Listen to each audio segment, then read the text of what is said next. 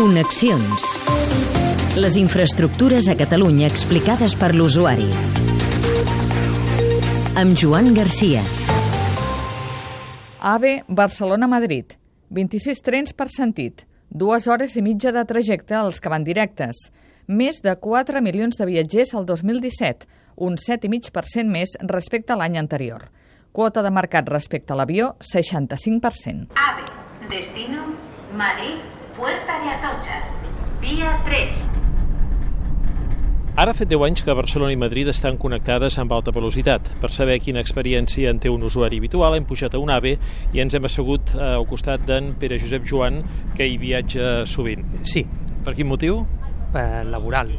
Viatjo cada 15 dies, haig d'agafar a l'AVE tant d'anada com de tornada. Perquè treballes a Madrid. Alcalá de Henares, exactament. Ets dels que abans feies el trajecte amb avió? No, l'havia fet puntualment amb cotxe i ara surt més econòmic anar, anar amb tren. Quin preu més o menys et surt? A veure, el preu habitual és uns 80 i pico euros de, per viatge, però si t'aculls a promocions i ofertes ho pots treure més barat, o meitat de preu. Quins avantatges té viatjar amb aquest tren? La rapidesa, la comoditat, el fet de no tenir que desplaçar-te gaire doncs, fins, al, fins a l'AVE mateix, Puntualitat diríem que bé. molt bé, molt bé.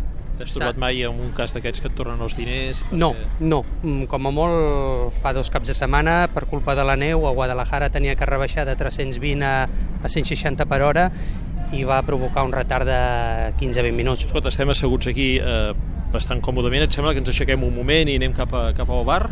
Sí, Vinga, doncs va, som-hi. a l'hivern jo no sé per quina temperatura es guien, però tenen la calefacció molt i molt forta. De tot drap. Sí, tu veus a la gent pujar a Saragossa o pujar a Lleida o pujar... Eh, i, I veus que es comencen a treure els abrics, tothom vermell, unes escalfors... Inclús alguna vegada m'he tingut que queixar dient, si plau, podrien baixar una miqueta la calefacció perquè és que la posen molt, molt forta. Va, vinga, què vols prendre? Va, que et convido. Un tallat mateix. Hi ha un altre, va. ¿Qué van a tomar? Dos tallats, sisplau. Marchando. Pel que fa a la informació, eh, les pantalles, la megafonia...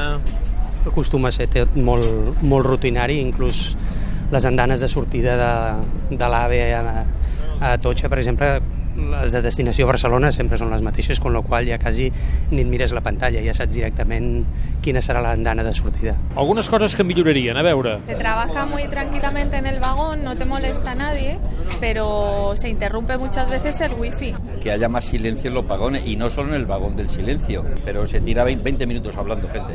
Y a pesar de que yo les miro, pues no cuelgan. Íñigo de la Serna, ministre de Foment. éxito de una conexión y de un servicio que utilizan cada vez más españoles, que han utilizado a lo largo de estos 10 años eh, 85 millones de personas, 65 millones eh, solo en el- lo que es el trayecto Madrid-Barcelona, con las paradas correspondientes, con un crecimiento sostenido, ofreciendo pues un servicio que hoy por hoy ocupa ya dos tercios de lo que es la cuota de mercado.